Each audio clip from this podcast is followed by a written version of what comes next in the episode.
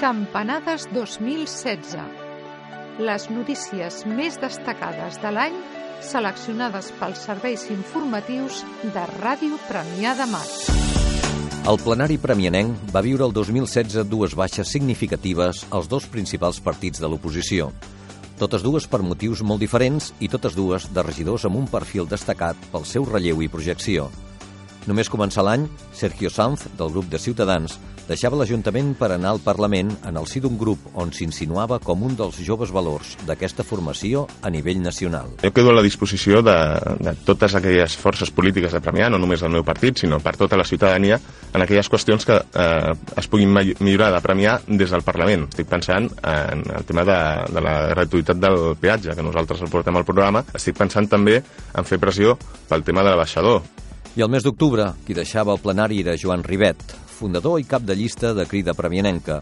Els motius que va aduir, la seva ocupació professional i la crispació reiterada amb l'equip de govern i especialment amb l'alcalde Miquel Buch. Hi ha hagut un bloqueig constant a les, a les idees polítiques de Crida Premianenca. En Miquel doncs, ha tingut uh, com a prioritat la seva trajectòria política, ha entès la tasca del, del nostre partit i la tasca de la meva persona com una adversitat. Hi ha hagut una tècnica de desgast poc després de plegar des del grup socialista, amb qui havia mantingut també una relació poc amistosa, li etzivava un rotund bon vent i barca nova. Campanades 2016. Les notícies més destacades de l'any de Ràdio Premià de Mar.